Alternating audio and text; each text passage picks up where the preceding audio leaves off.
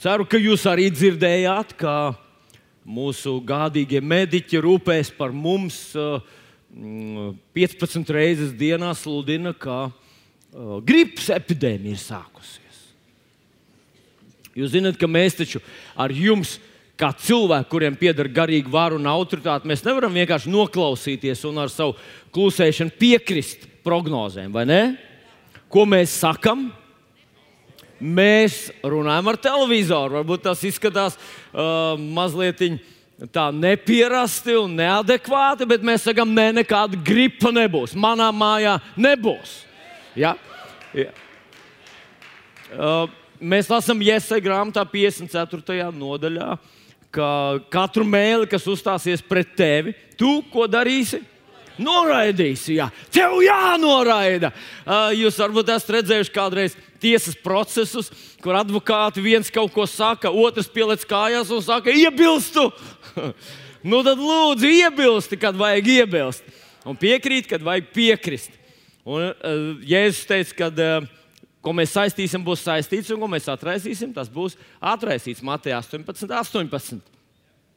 Tā kā neklusē, neļauj, lai kāds cits nosaka tavu dienas kārtību un to vidi, kurā tu dzīvo. Tu pasludini pats, kā kam ir jābūt. Un tas, es ticu, ka tas darbojas ļoti stipri. Nu, tad mums ir šī mēneša pirmā svētdiena. Šovakar, vai šodien mums būs arī vakarēdienas, protams, pēc dievkalpojuma. Bet pirmā svētdiena ir tāda īpaša reize, vai ne? Pirmā svētdiena ir tā, nu, kad Jēzus ar saviem 12 mācekļiem aizgāja tur tajā augšstabā, un tad viņš tur baudīja vakarēdienu. Tā ir tā reizīte, kad mēs varam tā, nu, savā starpā izrunāt tādas ģimenes lietas, vai ne? Vai ne? Vai ne? Jā, man ļoti palīdz, ka tu o, seko man līdzi, jo citādi es varu nomaldīties kaut kur. Tāpēc lūdzu, lūdzu nepazaudē mani. Tā tad mēs esam draudzē priekvēsts.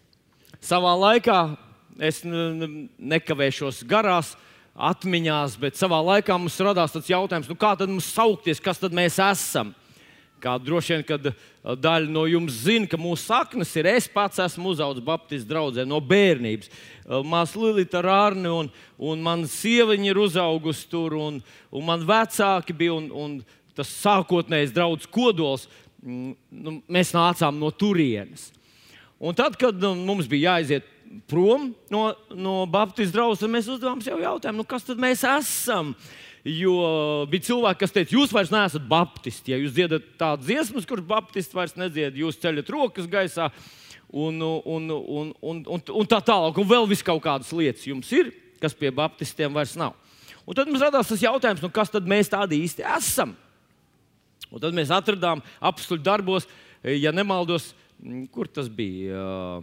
Litiņ, kur, kur bija tā draudzene? Antiohija. Antiohija, jā. Antiohija bija pirmā vieta, kur Jēzus mācekļus, ja līdz tam viņi sauc par mācekļiem, tad Antiohija bija pirmā vieta, kur viņi sāka saukt par kā? Par kristiešiem. Jā. Kas nozīmē kristieši? Tādi kā Kristus. Un, kad mēs to izlasījām Bībelē, mēs teicām, rekur ir! Halleluja! Mēs Mūsu mērķis ir būt tādiem kā Kristus. Jūs taču zinat, jūs taču zinat kā Salamans nosauc, kā viņš Salamana pamācībās rakstīts, kā kuģi nosauks, tā viņš peldēs. Ja tu nosauks to nu, par nu, nu, kādā citā vārdā, tad tu ierobežot, bet jau saki, mēs. Mūsu mērķis, mūsu redzējums, mūsu vēlme ir būt tādiem, kāds ir mūsu kungs Jēzus Kristus. Tāpēc mēs esam kristiešu draugi prieka vēsts. Un kristiešu draudzē prieka vēsts ir savs DNS. Un es palūkšu, lai man kas par iedod.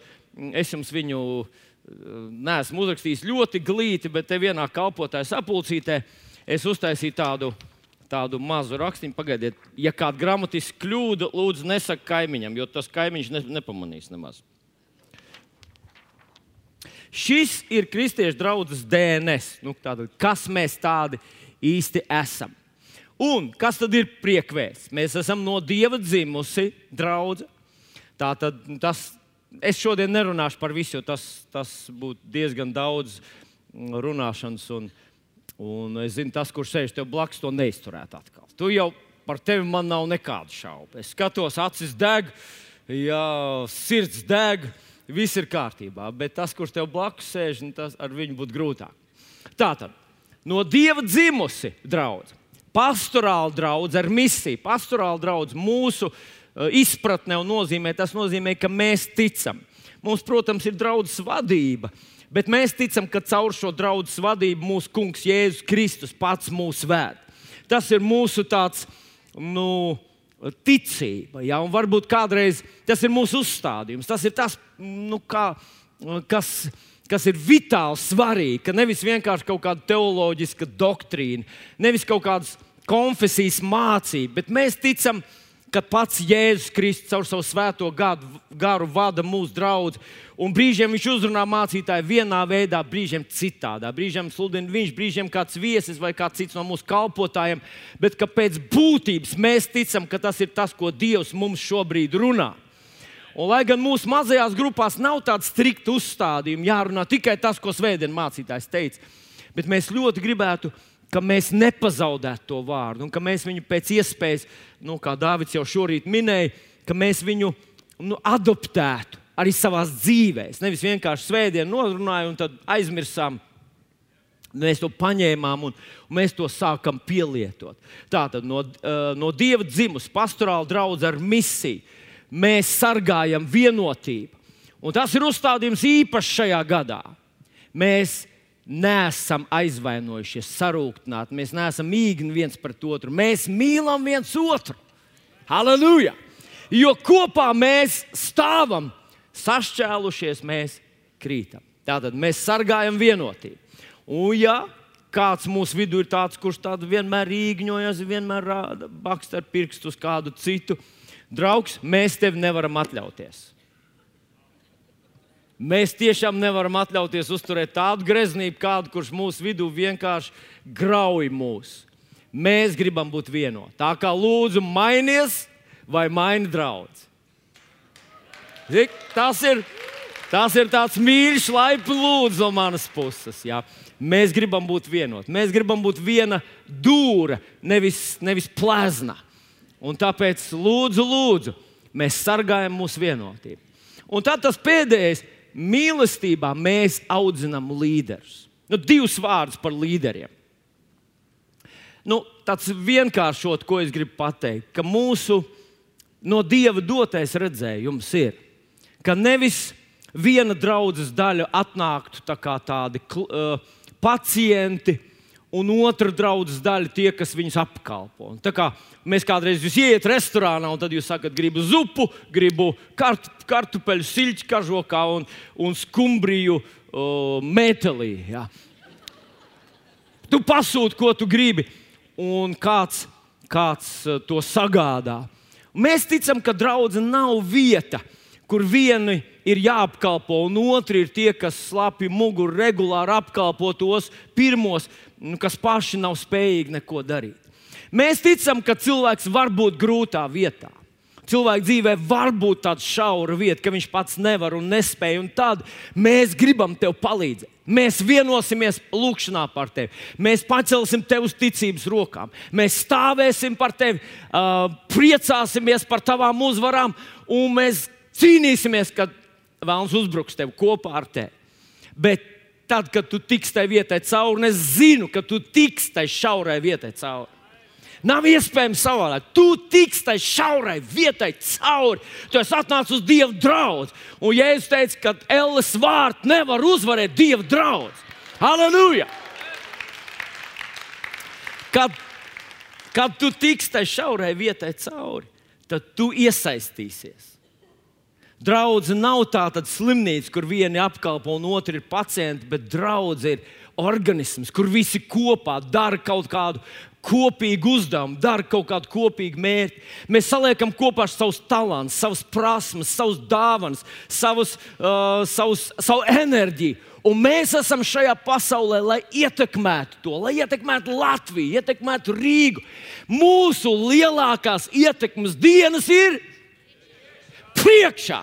Nekad neskaties atpakaļ. Mums priekšā mēs vēl daudz ko izdarīsim. Es ticu, ka Latvija piedzīvos tādu atmodu, ka šis nams būs par mazu. Un ne tikai mūsu namā, es ticu, ka tas skars visas dzīves draudzes, vienalga kā viņas arī sevi nesaukt. Bet Latvija piedzīvos vienu lielu garīgu atmodu, un tajā mums ir daļa. Bet tā tad mēs ticam, mēs gribam, mēs vēlamies, lai tu neesi pasīvs patērētājs, bet lai tu būtu aktīvs aktīvs Dieva bērns, aktīvs māceklis. Tos līderus varētu nosaukt par mācekli, par, par uh, vadītāju, par cilvēku, kurš vispirms uzņems atbildību pats par savu dzīvi, un pēc tam palīdz arī kādam citam. Nu, bet šorīt es runāšu par mīlestību. Mīlestībā mēs audzinām, audzinām šos vadītājus. Mīlestībā, halleluja! Kurš zina, kurš ir visslavenākais pāns par mīlestību? Kurš? Kurš? Jā, 3.16. Pareizi. Mēs visi viņu zinām, tad, kad mēs vēl nebijām glābti. Tad mums kāds nāca klāt un teica, Dievs tik ļoti tevi mīl. Kurš zina, ka Dievs viņu mīlēja, kad viņš vēl nebija glābts? Aha, ir cilvēki, kas nezina to. Kurš nekad nav dzirdējis, ka Dievs viņu mīl. Nekad nav dzirdējis tādas vārdas personīgi vērsts pret tevi. Ir kāds tāds cilvēks?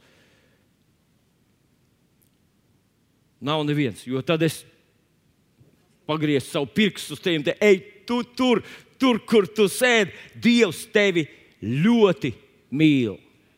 To mēs dzirdējām tad, kad mēs bijām grēcinieki. Dievs tevi mīl, viņam ir labs plāns tavai dzīvei. Dievs tevi tik ļoti mīl, kā devis savu vienpiedzimušo dēlu par tevi. Aleluja!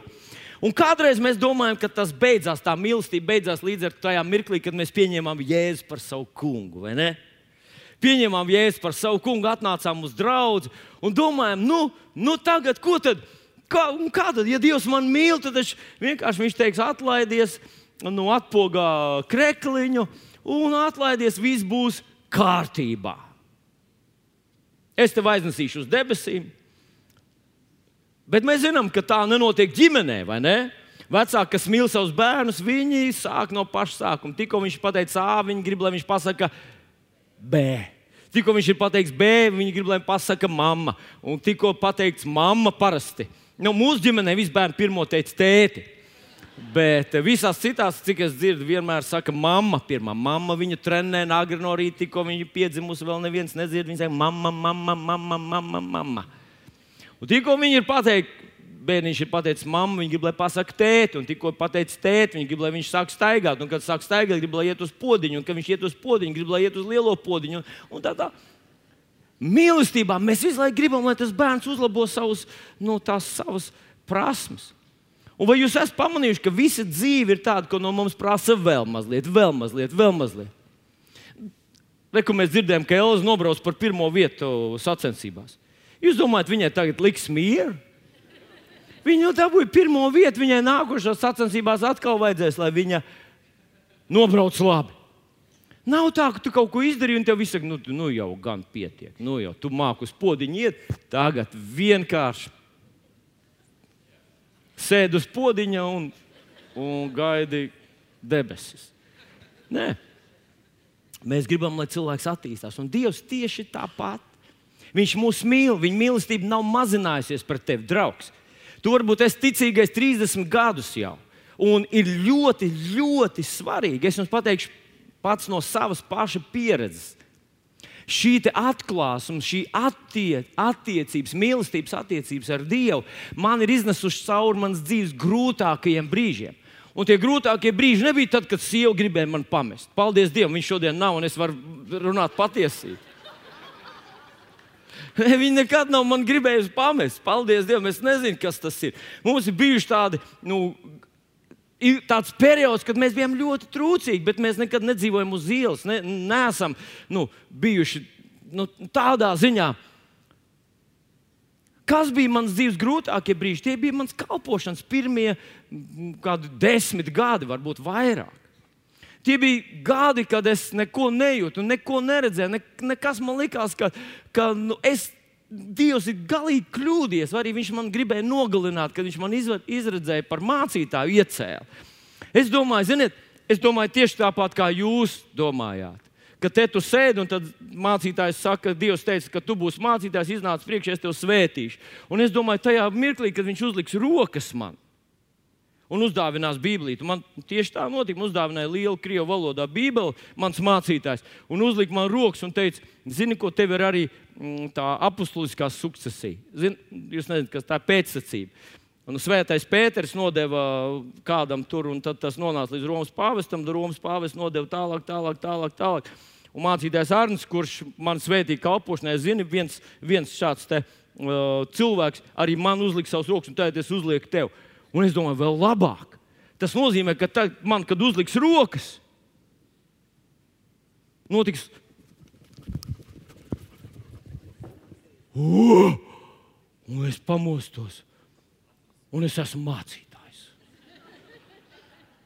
Nu, es, es domāju, ka kaut kas nu, brīnumains notiks, kaut kas tāds nu, neparasts. Viņš uzliek rokas. Un, un uguns iziet man un pārveido, izmet ārā visus vecos failus no manas. Nu, tur paliek tikai Dieva vārds un Augustīna nu, lekcijas un, un, un viss mans tās puiciskās sajūtas, un viss tās, nu, tās. Es biju diezgan jauns vēl, kad es kļuvu par mācītāju. Kad tas viss būs prom, un es būšu šķīsts, trauks, tāds, kur svētais gars visu laiku čuks tausīja. Tagad to, tagad šito. Un nekas tāds nenotika.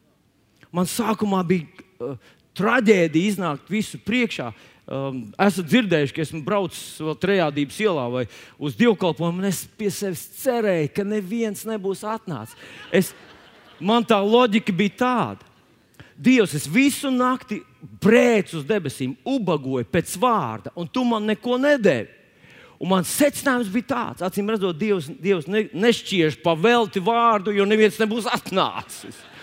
Man nav jēgas saņemt vārdu, jo nebūs neviena cilvēka.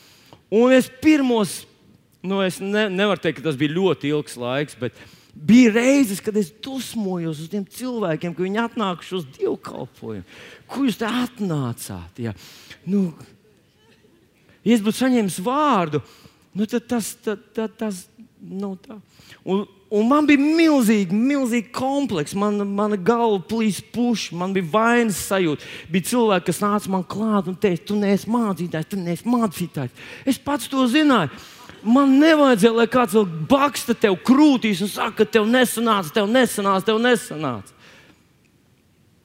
Un vienīgā vieta, kur es varēju paslēpties no šīs vētras, kas plosīja man no ārpuses un no iekšpuses, bija vietiņa, kur es aizgāju, pie, piespiedos viņam klāt. Es, nu, tās nebija sajūtas, bet tā bija tāda, tomēr tas bija kaut kas tāds, ko es jūtu, kad Dievs uzliek savus rokas, savus tēva rokas man uz pleciem un uz manas galvas, saka, dēliņ, es tevi mīlu. Un es raudāju, raudāju, ko es daru nepareizi. Kas ar maniem? Kāpēc tā? Dievs, labi, tu gribi, lai es te nomirstu, es nomiršu. Vai es izdarīšu to, ko tu gribi, lai es izdaru? Un tas nebija tā, ka viena tāda as, asarēna lūkšana un viss atkal pārmainījās. Kā mums kādreiz liekas, ja tu esi paraudājis Dievu priekšā, viss mainīsies.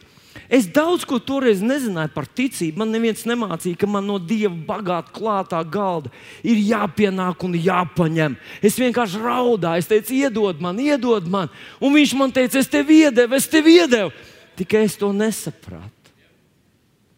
Bet tas, kas man palīdzēja iziet cauri un neiekrist depresijā, nevilties, nepalikt rūktam, skābam un vilšamies mācītājiem, kā dažkārt jūs varat sastapties ar mācītājiem, kuriem ir vienkārši iekšēji salauzti. Bet tas, ka es, at... es tur pavadīju laikam vairāk laika nekā pie pusdienu galda, es tur stāvēju un viņa mīlestība nu, līdzsvaroja, sadziedēja manas dvēseles brūces un rētas. Un es atkal ar tādu, ziniet, Nu, Es to ainiņu redzēju pie savas meitas un viņas uh, dēliņa, pie manas mazdēla Eliota. Viņš nokrīt, viņš tik briesmīgi raud.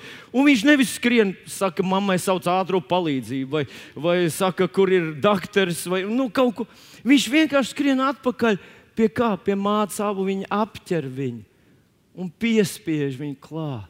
Un tu jūti, tikko viņas atķer, vienā mirklī viņam ir tās raudas, vēl tādas, Bet tad jau tās jau paliek tādas mierīgākas, un tad jau tāda šķukstēšana, un tā mīlestība sadziedē viņu. Ko es tev gribu pateikt, draugs? Varbūt tavā dzīvē tu atrodies grūtā vietā. Un tāda ir dzīve. Ja es teicu, jums pasaulē būs bēdas, ja tu neizmanto šos mīlestības vietu, ja tu nepienāc pie viņa un neļauj, lai viņš tevi samīlē, samīlē, samīlē, samīlē. Un es nerunāju šobrīd par sajūtām, un tomēr kaut kas tur, kaut kas tajā ir kaut kas tāds, ko tu jūti.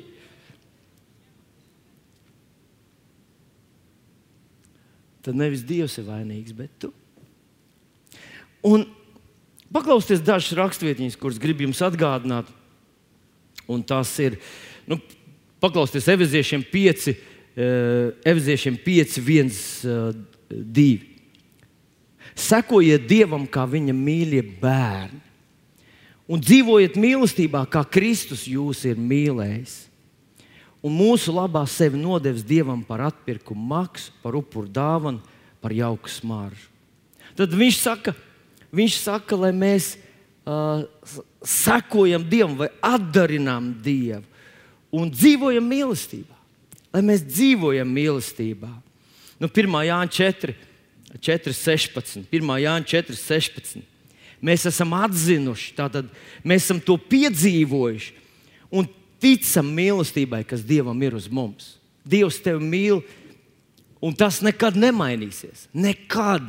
Viņš nepārstās mazāk tevi mīlēt, nekad nekļūs vienaldzīgāks, rezervētāks pret tevi. Tas nemainīsies nekad. Dievs ir mīlestība, un kas paliek mīlestībā, tas paliek Dievā un Dievs viņā.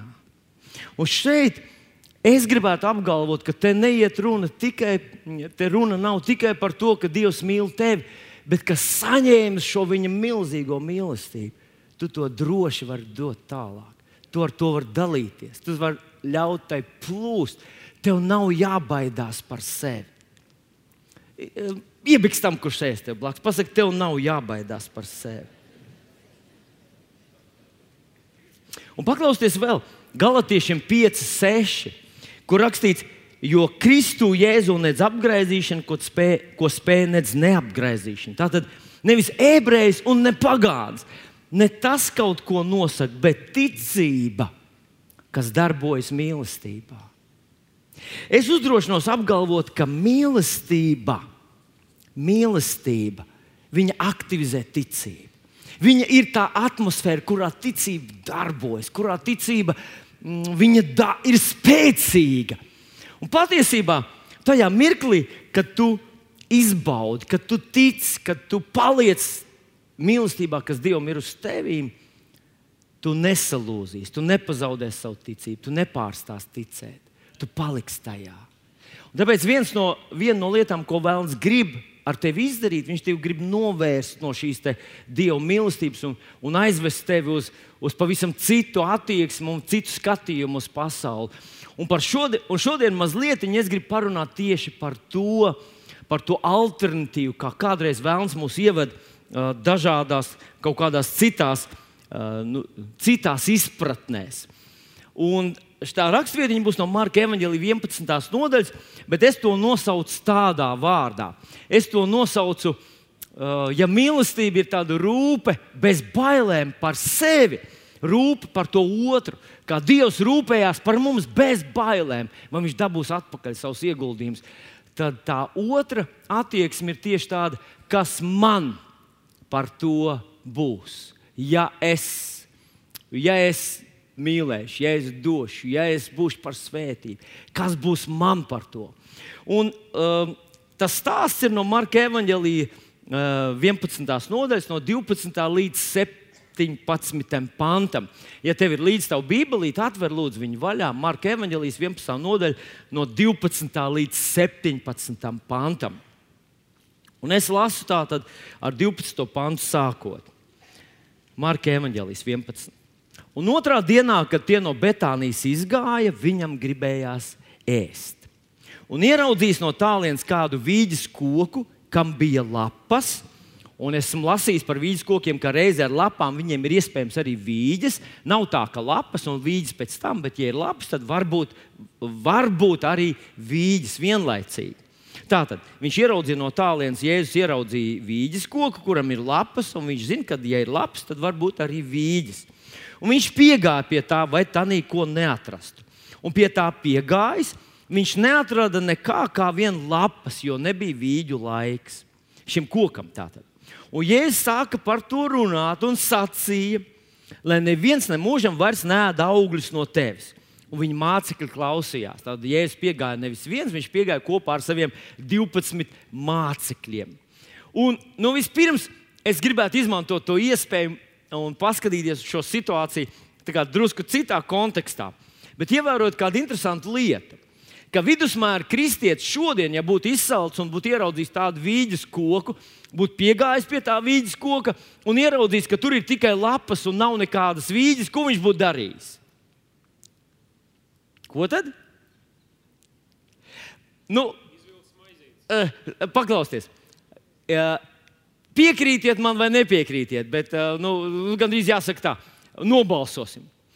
Es apgalvoju, ka vidusmēra kristietis piegājis pie tāda vīģes koka, un uz koka, kuram nav vīģes, viņš būtu sācis dievam stāstīt, ka uz tā koka nav vīģes. Nu, sācis būt dievam teikt par savu problēmu. Nē?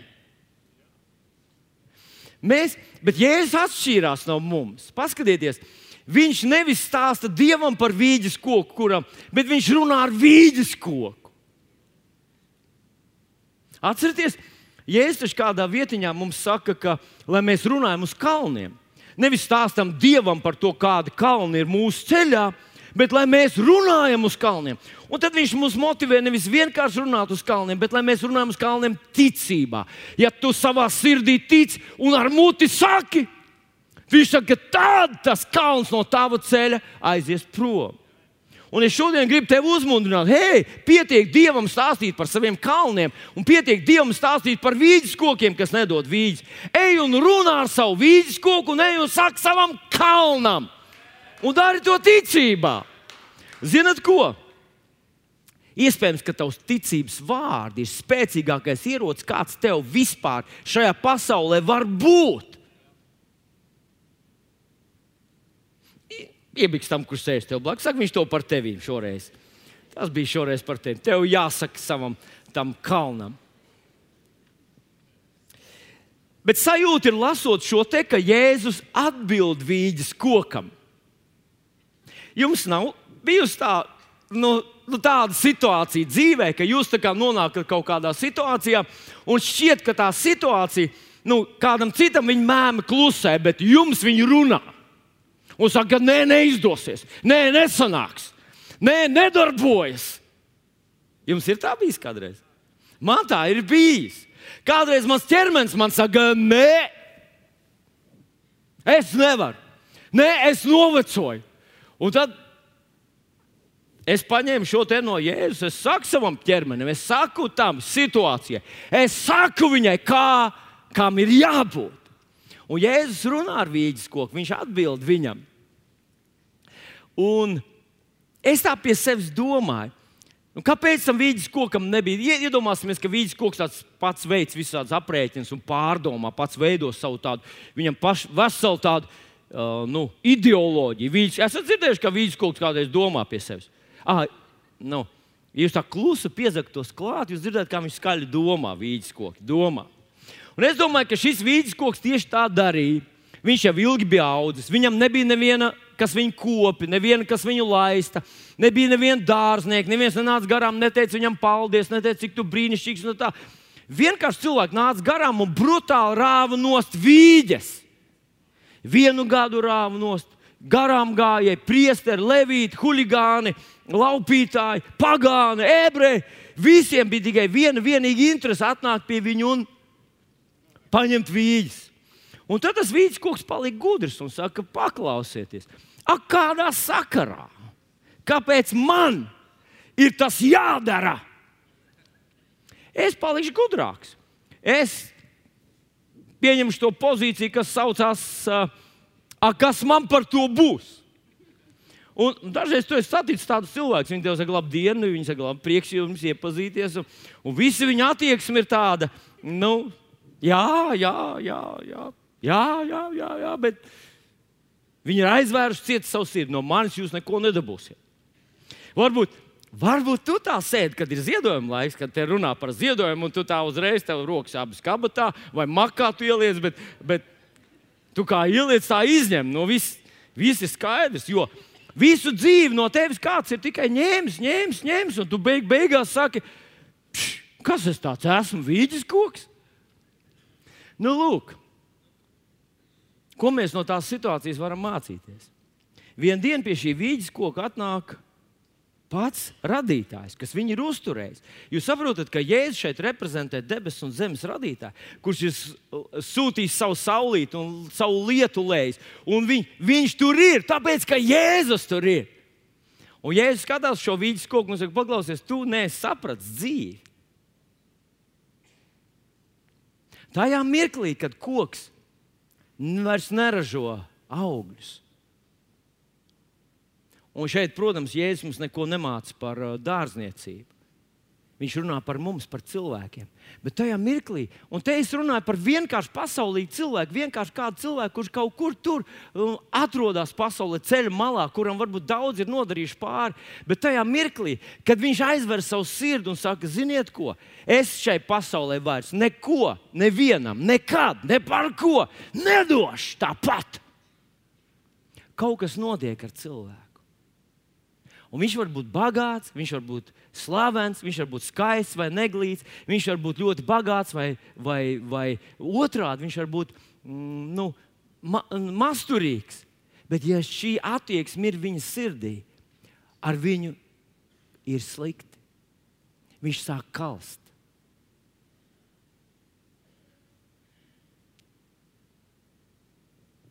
Tas cilvēks sāk kalst.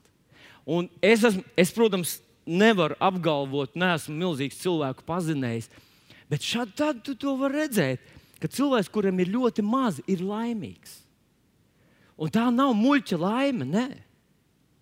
Vienkārši viņš ir apmierināts. Vienkārši viņam ir ļoti liels prieks. Man sieviņa zina stāstīt, un droši vien, ka viņas mamma daudz labāk var pastāstīt.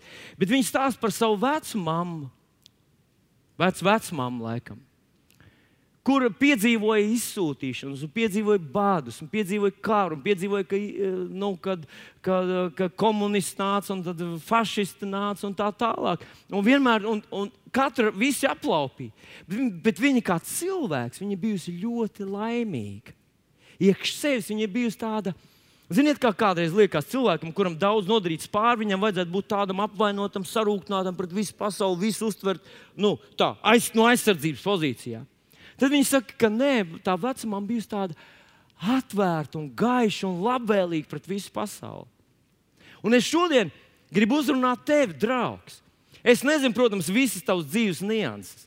Bet es zinu, vien, ka tas, kurš te vienīs, gribētu, lai tu pārvērties par cilvēku, kurš nevienam netic, nevienam neusticas, nevienam neko nedos. Kurš vienkārši dzīvo savu mazo dzīvību un saprot, ka šajā pasaulē par brīvu sirds ir tikai nu, peļu lamatās. Tas īsts realists. Tas ir vēlams, kurš grib mūs par tādiem pārvērst, jo tajā mirklī mēs sākam kalst. Kaut kāda dzīvības enerģija mūsos apstājas. Un daži tādi kļūst jaunībā jau. Daži tādi pārvēršas savas dzīves vidusposmā, un daži tādi kļūst vecuma dienās. Kā mums patīk sirmgalvi, kas ir tāda labsirdīga, kas visur saskata labo, vai ne? Un kā mums bailes no sirmgalviem, kas ir tādi?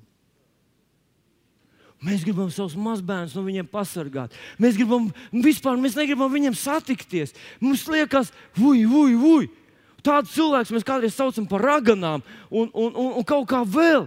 Jo viņa sirdī ir kaut kā tāda neusticība, tāda nu, noliegums pret visu pasauli.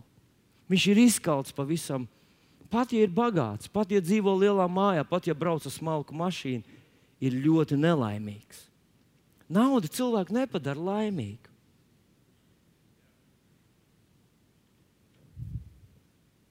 Tā ir pirmā mācība, ko mums vajadzētu šeit iemācīties, no ko Jēzus mums, tev un man māca. Mēs esam cilvēki, pat ja mums šķiet, ka nav neviena, kas par mums rūpējas, ir kāds debesīs, kas mūs ir uzturējis un ir eh, līdz savai saulītei spīdēt, un ir sadziedējis mūsu rētus un brūcis. Un tas, ka tu esi dzīves, vīģis, koks, ka tev ir lapas, ir tāpēc, ka Dievs ir tavā pusē. Halleluja! Dosim aplausu tam kungam!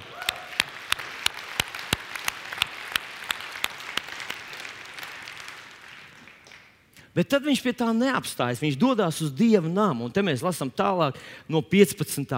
15. panta. Un tie nāk uz Jeruzalem, un templī iegājis, viņš sāk izdzīt tos, kas pārdeva un pirka templī. Un apgāz mīļēju galdus un balošu pārdevēju solus, un neļāva nevienu lietu nest caur templi. Un viņš mācīja un tiem sacīja: Vai nav rakstīts, mans nams taps nosaukts lūkšanas nams visām tautām, bet jūs to esat padarījuši par slepkavu bēdri.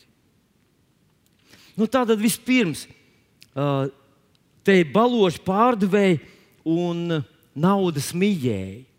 Esmu lasījis kaut kādus komentārus, un pāris reizes, kad esmu bijis Izrēlā, Dievs tiešām man svētīs, esmu bijis tur kāds pāris reizes tad parasti gidi tā ļoti skeptiski par šo te, uh, sižetu no Bībeles un vienmēr cenšas attaisnot, ka tur jau viss nebija tik slikti, ka, jau, ka, ka tas bija objektīvi, ka cilvēki nāca upurēt un, un no tālienes citu nevarēja at, atvest tos dzīvniekus. Tad tur bija kādi, kas, kas tos dzīvniekus bija sagatavojuši, atveduši un dabīgi viņi tos pārdeva.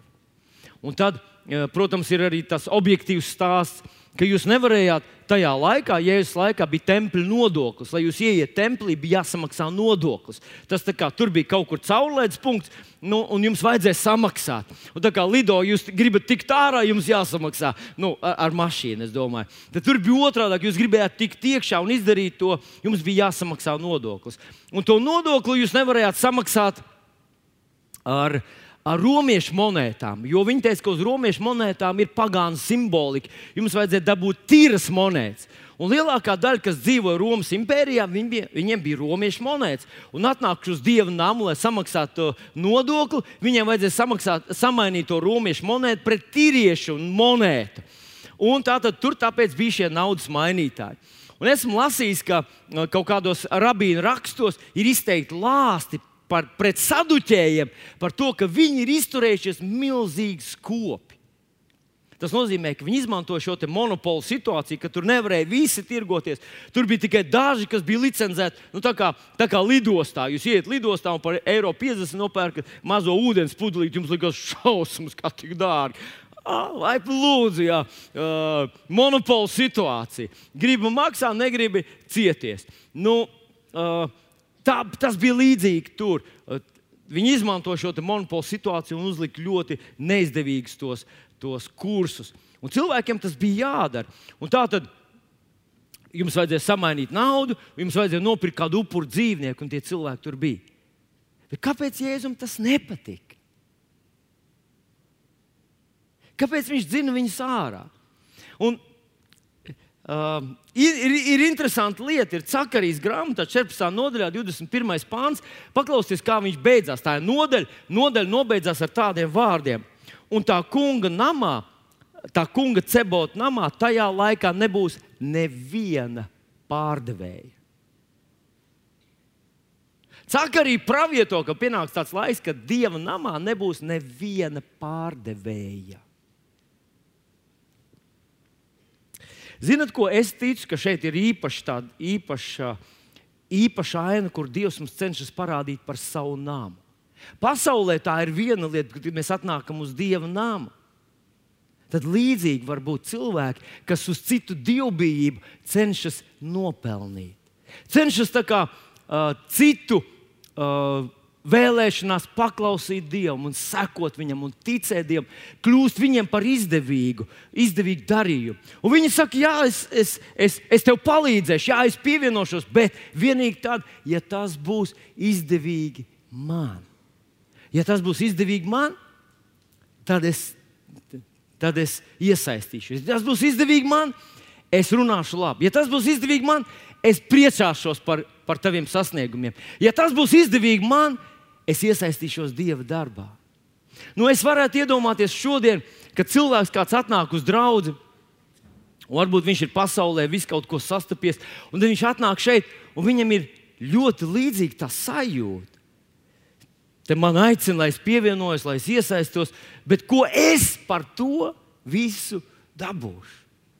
Vai es nebūšu tas muļķis, kur izmantos, nu, pēc tam Pēc tam mēs jau visi zinām visus tos briesmīgos stāstus, kā tur izmainīt dzīvokļus un ko tur viss nu, atņēma un, un cilvēku un tā tālāk. Un šeit man gribas pateikt, mīļais draugs, Dieva namā nav tā vieta, kur kāds varētu tev kaut ko paģērēt, kaut ko tev pieprasīt. Kāds varētu uzkāpt uz taviem pleciem un teikt, vienkārši zini, ko, ja tu gribi kalpot Dievam, tad tev jāuztur mani. Tā tas nav iespējams. Tā, tā, tā, tam, tā tas nebija domāts. Neviens cilvēks nevar pārlikt savas problēmas uz taviem pleciem un teikt, ka tev tās ir jāatrisina. Tāpēc, ka es esmu atnācis uz Dieva nāmu. Un pēc būtības tas, tas kas manī mazliet nu, tā, uh, satricināja, kad es skatos, ka Jēzus dzen ārā cilvēkus. Mēs taču esam paraduši, ka no Dieva nama nevienu nedrīkst izdzīt. Tev ir jācenšas, jāstrādā, tev ir, nu, tev ir nu, nezinu, zeme jālaiž zem viņa kājām, bet tu nedrīkst nevienu izdzīt ārā no dieva nama. Bet šajā vietā mums saka, ja cilvēks nāk ar tādu attieksmi, ka, ka jums ir, nu, tam jābūt man izdevīgi, tam jākalpo man. Mans ego ir pirmā vietā. Un to dara Dieva namā. Atcerieties, Pāvils raksta Timotēm, lai tu zinātu, kā izturēties Dieva namā. Tas ir patiesības balss un pamats. Hei, Dieva namā ir savādāk. Un tas ir līdzīgi, kad Jēzus pienāk pie vīģes koka. Varbūt Jēzus neko nebūtu teicis, ja tur kaut kāda garām gāja, vienkārši aplūkāt viņu vai, vai, vai nolamāt. Bet, kad Dievs atnāk pie tevis un saka, paklausies, es esmu tevi svētījis, es esmu bijis ar tevi.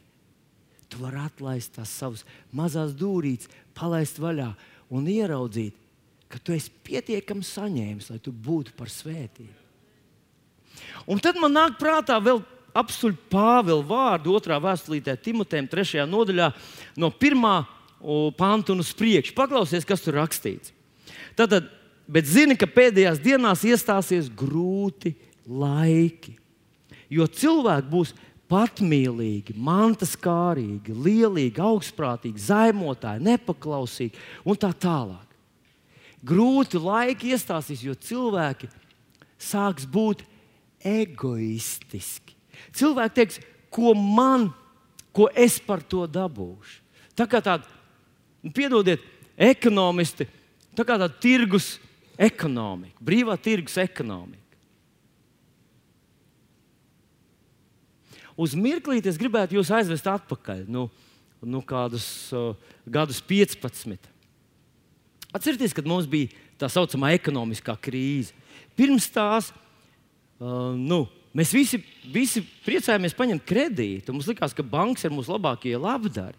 Es atceros, ka 92. un 93. gadā, kad es mācījos Zviedrijā, es skatījos vietējo zviedru televīziju un es domāju, tie cilvēki dzīvo Leipotrijā. Jo tur nu, tieši tāpat kā mums šeit, ik pēc uh, desmit minūtēm televīzijas programma pārtrauca uh, reklāmu, un tur vienmēr bija tādas. Es nevarēju saprast, ar tādu padomu cilvēku mentalitāti. Es skatījos uz to televizoru, un tur teica, jūs maksāsiet tikai 300 kronas mēnesī, 350 kronas. Ņemt džipu, ņemt to, ņemt šito, ņemt tādu mašīnu, tādu mašīnu, pērc māju. Tur reklāmas bija visu laiku, reklāmas, reklāmas. Cik te tev maz? Un man likās, ka Pat man studentam likās, ka tā nauda ir samaksājama nauda, nu, ko viņi tur teica par jaunu mašīnu. Un tad tas atnāca pie mums, atcerieties, atnāca šeit. Un mums likās, ka bankas tikai rūpējas par to, lai mums labi klājas, vai ne?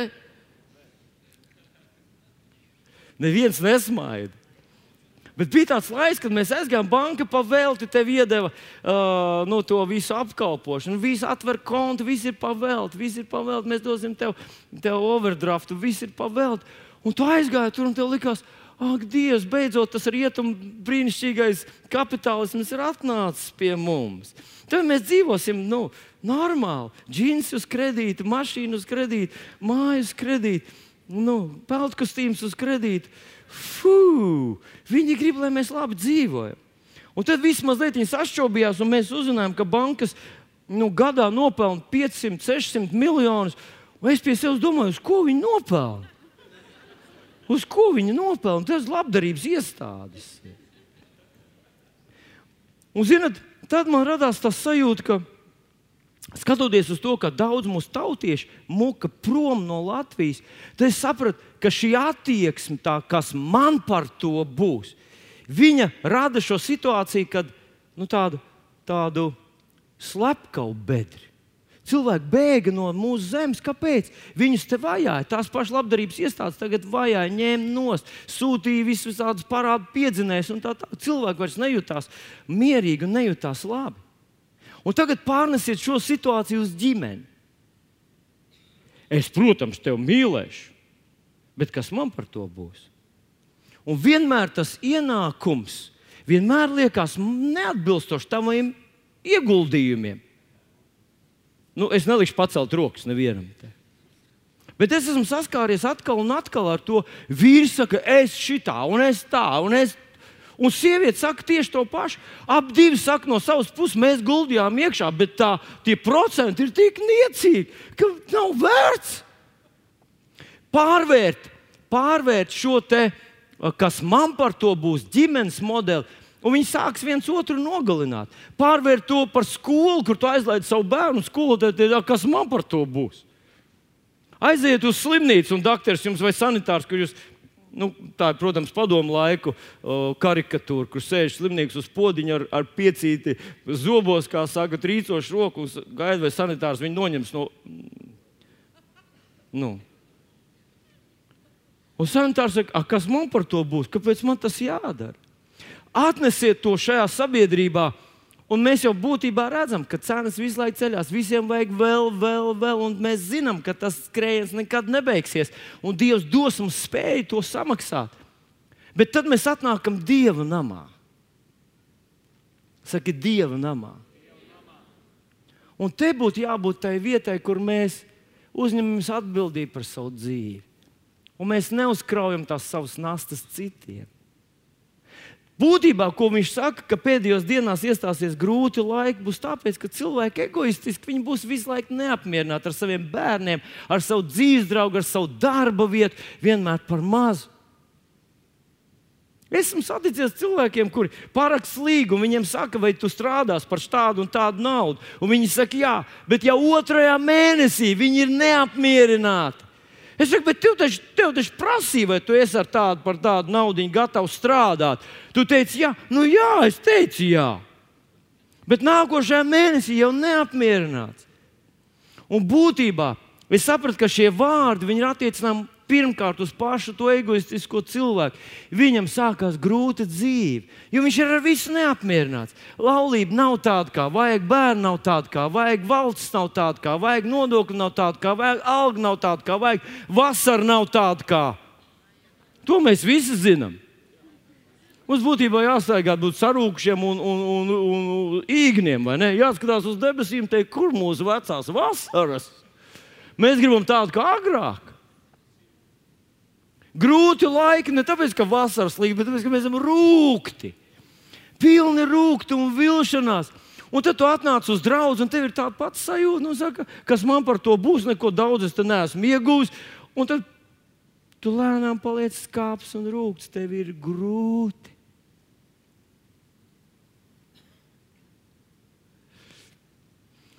Ziniet, kā izskatās no šejienes?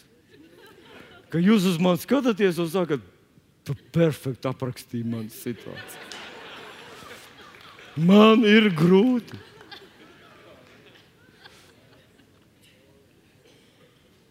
Un tieši tāpēc es to sludinu šorīt. Hei, tas laiks, kad bija grūti, ir beidzies. Halleluja! Jēzus izdzen ārā visus tos, kas atnāca te kaut ko pārdot, savu prieku, savu mīlestību, savu, savu, savu iesaistīšanos. Te mēs to visu darām par brīvu.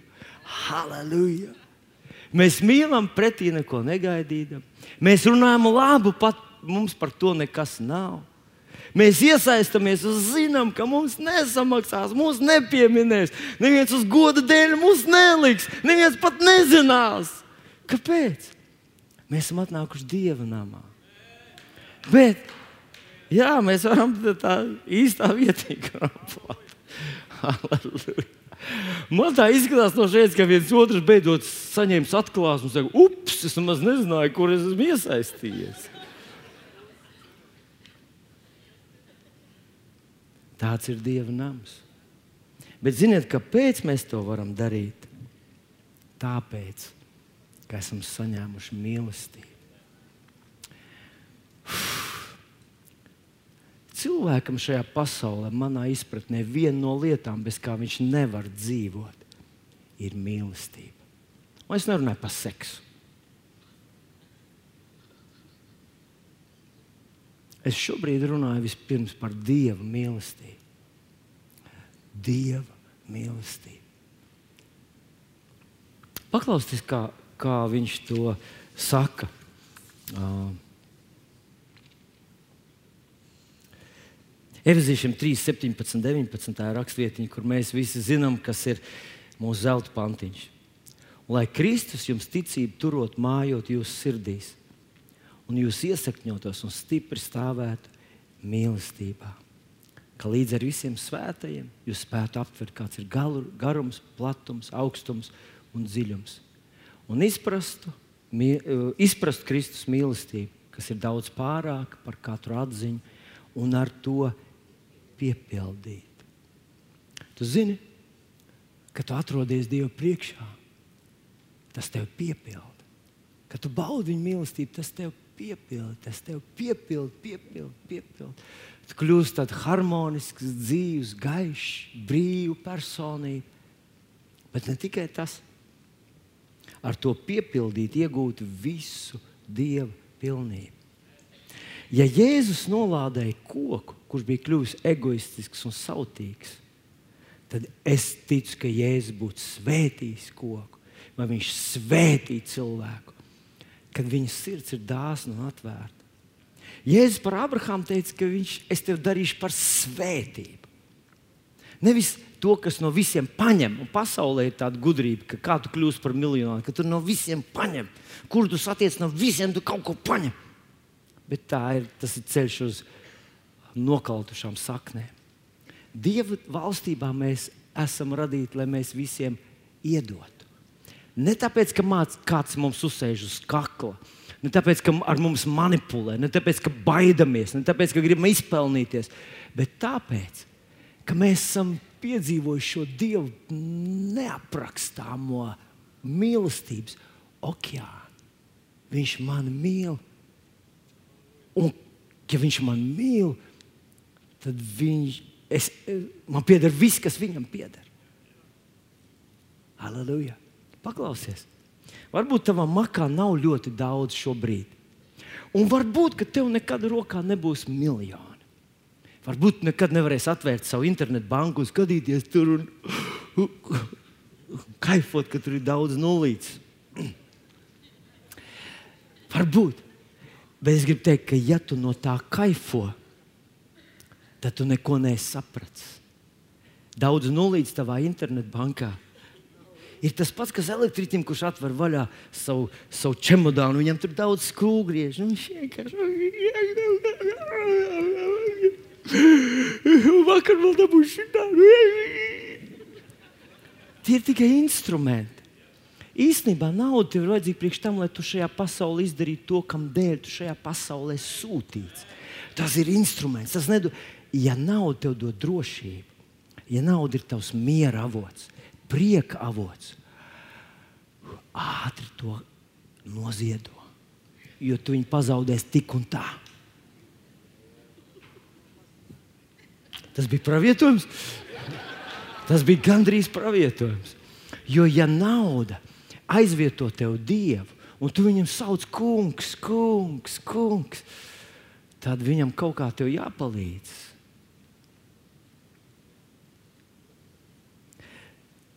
Tev vajadzētu kaifot no tā, ka Dievs tevi mīl.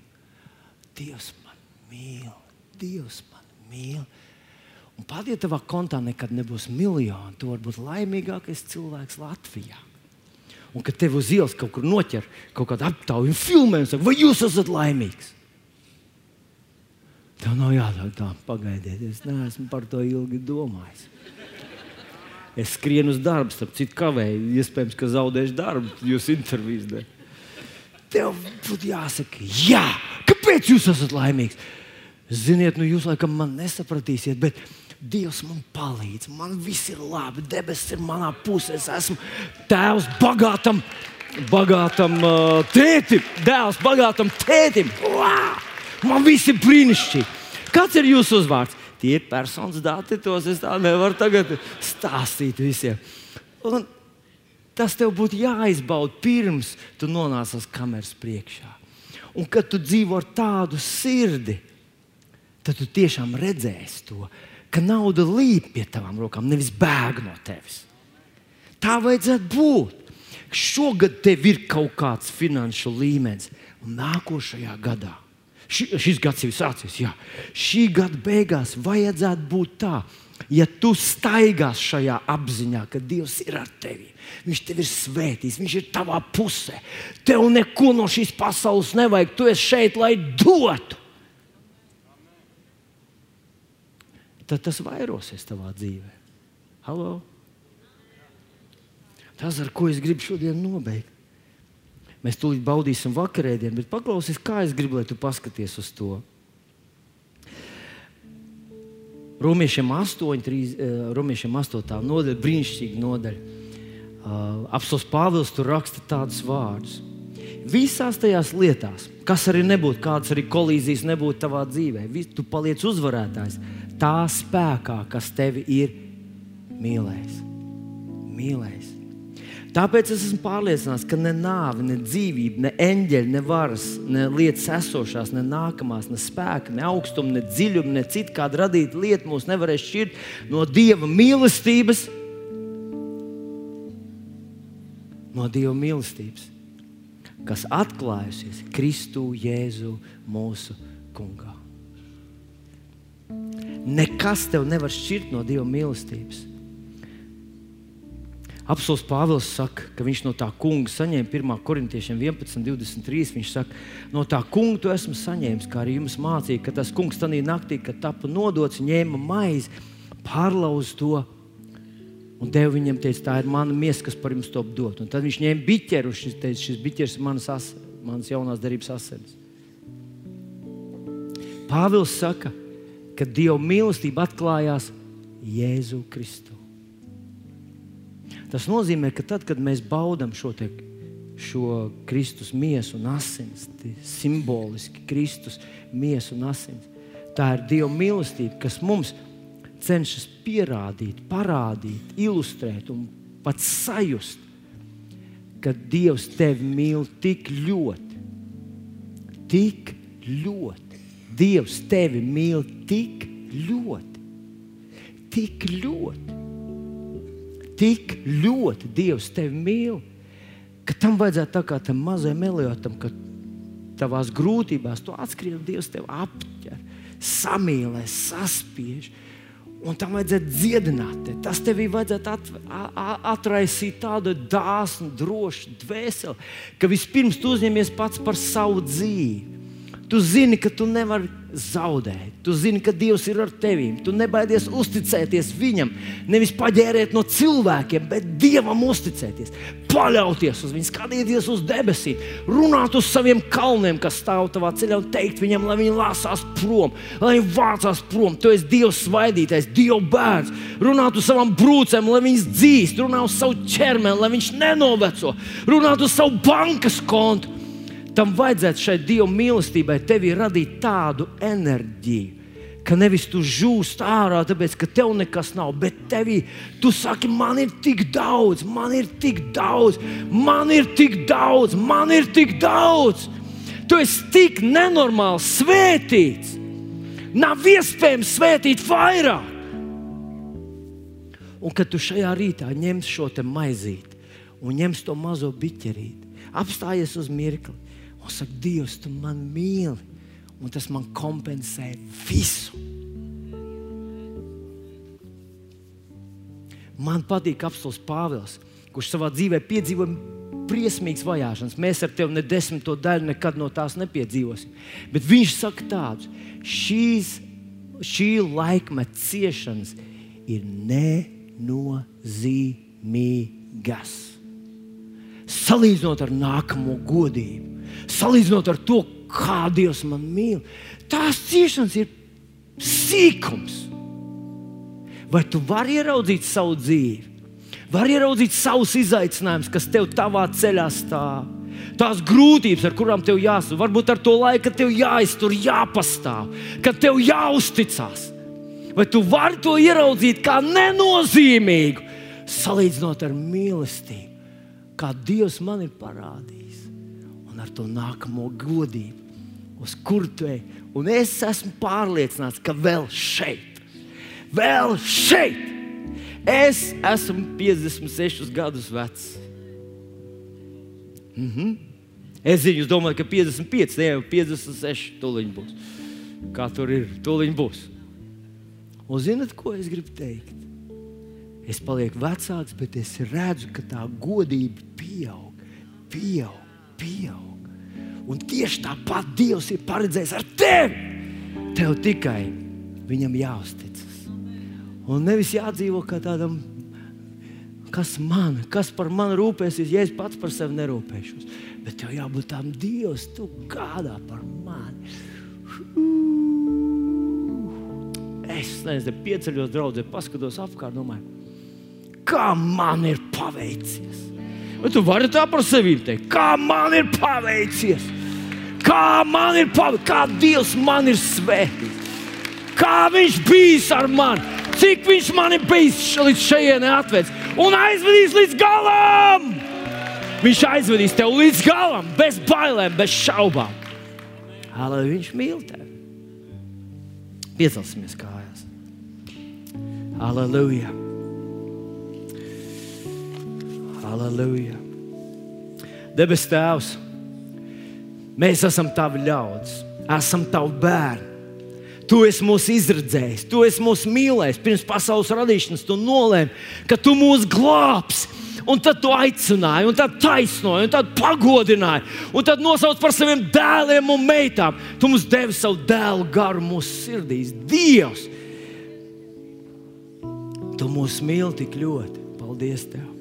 Paldies Tev, ka mēs varam palikt Tavā mīlestībā un atpogāt visas savas bruņas, visas savas saskampētās mazās dūrītes, atk atkrampēt tās vaļās un teikt, Dievs, tu esi man svētījis tik ļoti. Paldies! Tev.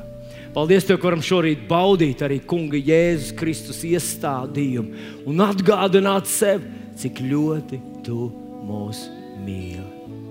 Paldies, Tev, Tēvs, Jēzus vārdā!